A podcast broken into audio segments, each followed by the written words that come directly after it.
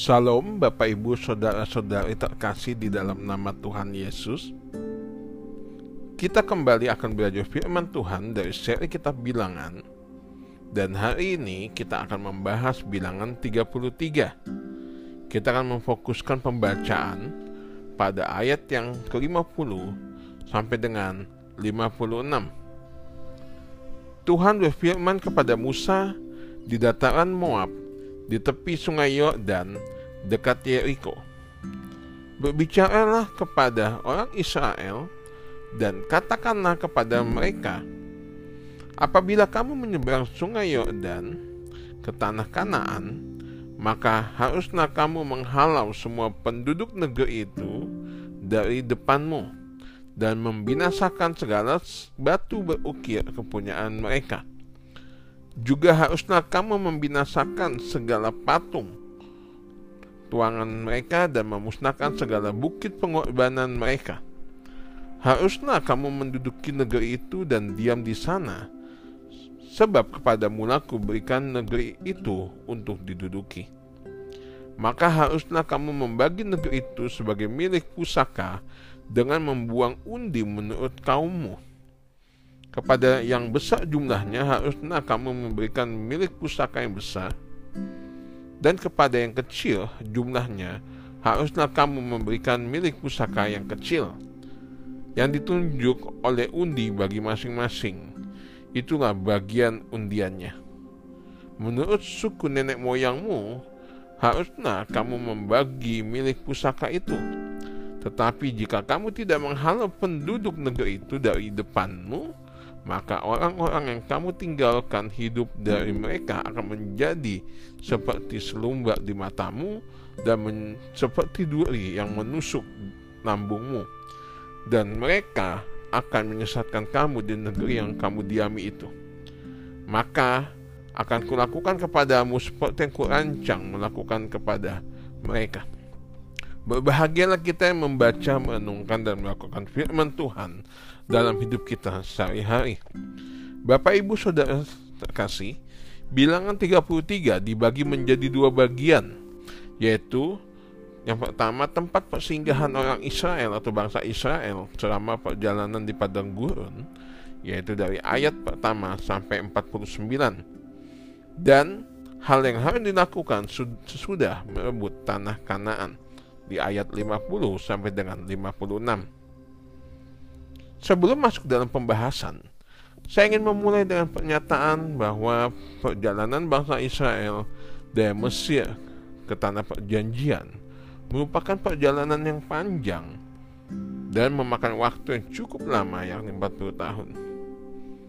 Jika kita melihat letak geografi Mesir dengan Kanaan sebenarnya tidak terlalu jauh. Namun, Allah membuat bangsa Israel berputar-putar hingga akhirnya masuk ke tanah Kanaan.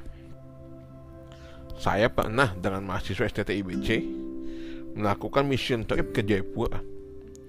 Sebenarnya ada pesawat yang dari Batam menuju Jayapura dan hanya satu kali transit di Jakarta. Namun, harga tiketnya sangat mahal. Kalaupun ada yang murah, tapi tidak dapat bagasi kalau beli bagasi, harganya juga jauh lebih mahal.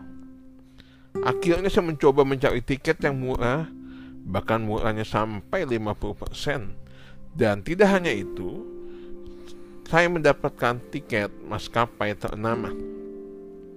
Namun yang menjadi masalah adalah perjalanan yang ditempuh cukup panjang. Bukan dari Batam tetapi dari Kuala Lumpur. Alhasil Rute yang saya dan tim tempuh adalah dari Batam menuju Singapura, lalu Singapura ke Kuala Lumpur Malaysia dulu, dari Malaysia terbang ke Jakarta, Jakarta Makassar, Makassar Timika dan akhirnya di Jayapura. Perjalanan kurang lebih memakan waktu hampir dua hari. Demi mendapatkan tiket yang murah, maskapai yang bagus, dan juga bagasi yang sangat cukup. Kami rela melakukan perjalanan yang panjang yang seharusnya bisa ditumpu dengan rute Batam, Jakarta, Jayapura, tapi resikonya tiket yang mahal. Bangsa Israel melakukan perjalanan panjang menuju Kanaan hingga akhirnya Alkitab mencatat daerah-daerah mereka singgahi. Tentunya tempat tersebut menyimpan peristiwa penting, seperti ketika mereka di Masa dan Meribah, ketika bangsa Israel bersungut-sungut dan meminta air kepada Musa. Pada saat ini, saya ingin mengajak Bapak Ibu semua kepada satu pemahaman di mana ketika bangsa Israel menaklukkan tanah Kanaan, sebetulnya hal tersebut merupakan kasih karunia Allah atas mereka. Maksudnya apa? Perjalanan bangsa Israel keluar dari tanah Mesir merupakan misi Allah untuk menyelamatkan mereka dari penindasan. Belum lagi ditambah dengan ketika Allah menjadikan mereka seperti menjadi bangsa pilihannya. Di padang gurun pun bangsa Israel banyak mengeluh atas tantangan yang mereka hadapi, seperti hal makanan dan air untuk diminum. Walaupun pada akhirnya Allah memberikan jalan keluar atas masalah yang mereka hadapi. Tidak sedikit bangsa Israel yang mati di padang gurun karena ketidaktaatan mereka. Hanya generasi kedua yang memasuki tanah perjanjian, termasuk Yosua dan Kaleb. Kasih karunia yang saya maksudkan di sini adalah terlihat ketika dalam perjalanan panjang di padang gurun dan Allah masih mengizinkan adanya generasi kedua yaitu generasi yang lahir di padang gurun generasi yang lahir di padang gurun sehingga pada akhirnya mereka masuk memasuki tanah perjanjian Allah masih mengizinkan bangsa Israel memasuki tanah perjanjian sesuai dengan misinya Kembali lagi ke dalam ayat yang ke-50 sampai 56 di mana menjelaskan tentang tugas yang harus dilakukan oleh bangsa Israel setelah merebut tanah Kanaan. Bagi bangsa Israel berhasil merebut tanah Kanaan seperti ibaratnya memperoleh proklamasi kemerdekaan. Setelah mencapai tujuan itu, mereka mungkin kehilangan arah dan mungkin upah mungkin berkata, apa lagi yang harus kami lakukan?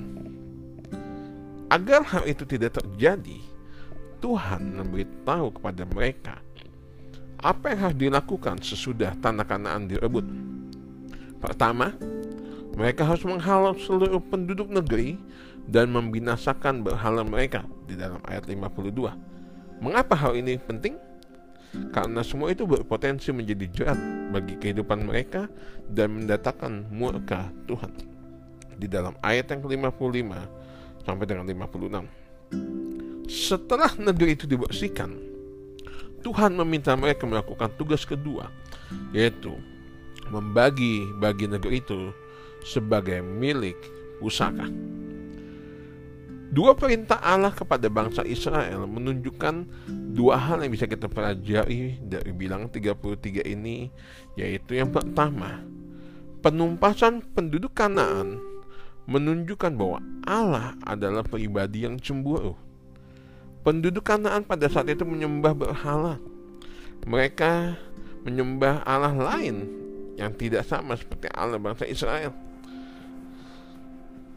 penduduk kanan pada saat itu mereka akan menjadi masalah di kemudian hari kalau tidak dihabiskan atau ditumpas atau dibunuh. Dan bisa menjadi masalah di mana bangsa Israel bisa saja ikut-ikutan menyembah berhala di suatu saat nanti. Upaya penumpasan merupakan cara implisit atau cara tidak langsung yang Allah tunjukkan bahwa tidak boleh ada Allah lain pada waktu itu selain Allah sendiri. Kalau kita mengingat kepada 10 perintah Allah di mana Allah menunjukkan dirinya sebagai pribadi yang cemburu. Allah yang jealous yang membalaskan hingga keturunan ketiga bahkan hingga yang keempat. Ada kata-kata yang berbunyi demikian. Cemburu merupakan tanda cinta Frasa tersebut mungkin ada benarnya. Di mana kalau kita mencintai atau mengasihi seseorang, tentunya kita tidak ingin cinta kita dibagi dengan orang lain. Seperti contohnya, saya mengasihi dan mencintai istri saya. Kami terikat dalam satu ikatan pernikahan. Karena saya mengasihi dan mencintai istri saya, tentunya saya tidak akan terima dan tidak rela, maka saya akan cemburu dan marah besar jika istri saya dekat dengan pria lain. Begitu juga dengan sebaliknya, istri saya juga cemburu dengan saya kalau ada wanita lain yang mendekat. Demikian halnya dengan Allah yang tidak mau perhatian utama kita terbagi-bagi bukan lagi kepada dia tetapi kepada yang lain. Bapak Ibu Saudara sekalian, mungkin pada saat ini kita tidak seperti penduduk asli Kanaan yang menyembah berhala. Tetapi kita mungkin juga tidak menyembah Allah-Allah lain. Tetapi tanpa disadari ada hal-hal yang dapat membuat Allah cemburu yang menggantikan posisinya yang terutama dalam hidup kita. Bisa itu pekerjaan, bisa itu pelayanan, bisa itu suami, istri atau anak-anak bahkan barang yang sifatnya mengganti posisi Tuhan sebagai yang prioritas dalam hidup kita. Bukan berarti kita tidak boleh sayang istri, tidak bukan berarti kita tidak boleh sayang suami, anak bukan yang Tuhan mau rasa sayang kita kepada istri, suami, anak, kepada siapa pun atau kepada apa pun tidak melebihi rasa sayangnya kita kepada Dia. Tuhan tidak mau ada sesuatu yang menggeser posisinya sebagai yang paling utama di dalam hidup kita. Tuhan tidak mau fokus kita terbagi-bagi ia mau tetap yang terutama dan pertama di dalam kehidupan kita. Hal kedua yang dapat kita pelajari yaitu tentang pembagian tanah, di mana menunjukkan sebagai alas merupakan pribadi yang setia dan bertanggung jawab. Allah tidak hanya meminta untuk menumpas penduduk asli, namun mengingatkan akan tanah warisan yang dibagi oleh setiap suku dari bangsa Israel. Pembagian warisan sesuai dengan jumlah suku yang yang besar dan yang kecil. Suku yang bes, jumlahnya besar akan mendapatkan tanah pusaka yang lebih luas, begitu juga sebaliknya. Ketika bangsa Israel keluar dari Mesir dan masuk tanah Kanaan, mereka tidak memiliki apa-apa untuk tinggal. Tidak ada tempat yang mereka diami sebagai tanah milik sendiri hingga akhirnya dilakukan pembagian tanah pusaka. Pada umumnya jika kita pindah dari satu tempat ke tempat lain, tentunya kita sudah mempersiapkan segala sesuatu di tempat yang baru. Namun hal tersebut tidak berlaku bagi bangsa Israel ketika keluar dari Mesir. Mereka tidak mengetahui negeri yang dituju, mereka tidak tahu bagaimana keadaan negeri tersebut. Namun dalam ketidaktahuan tersebut, Allah menyediakan semuanya kepada bangsa pilihannya yaitu bangsa Israel. Allah yang sama juga setia di dalam kehidupan kita. Dalam masa-masa pandemi saat ini penting bagi kita untuk memahami kesetiaan Allah. Seperti pemeliharaan dan kesetiaan Allah kepada bangsa Israel. Demikian juga ia setia memelihara kita dalam situasi pandemi saat ini. Saya ingin menutup dengan teks dari Ibrani 13 ayat 5 yang menuliskan Aku sekali-kali tidak akan membiarkan engkau dan aku sekali-kali tidak akan meninggalkan engkau. Janji Tuhan setia, ya dan amin untuk kita semua, khususnya ketika kita juga akan menjalani aktivitas sepanjang hari ini. Tuhan Yesus memberkati kita semua. Shalom.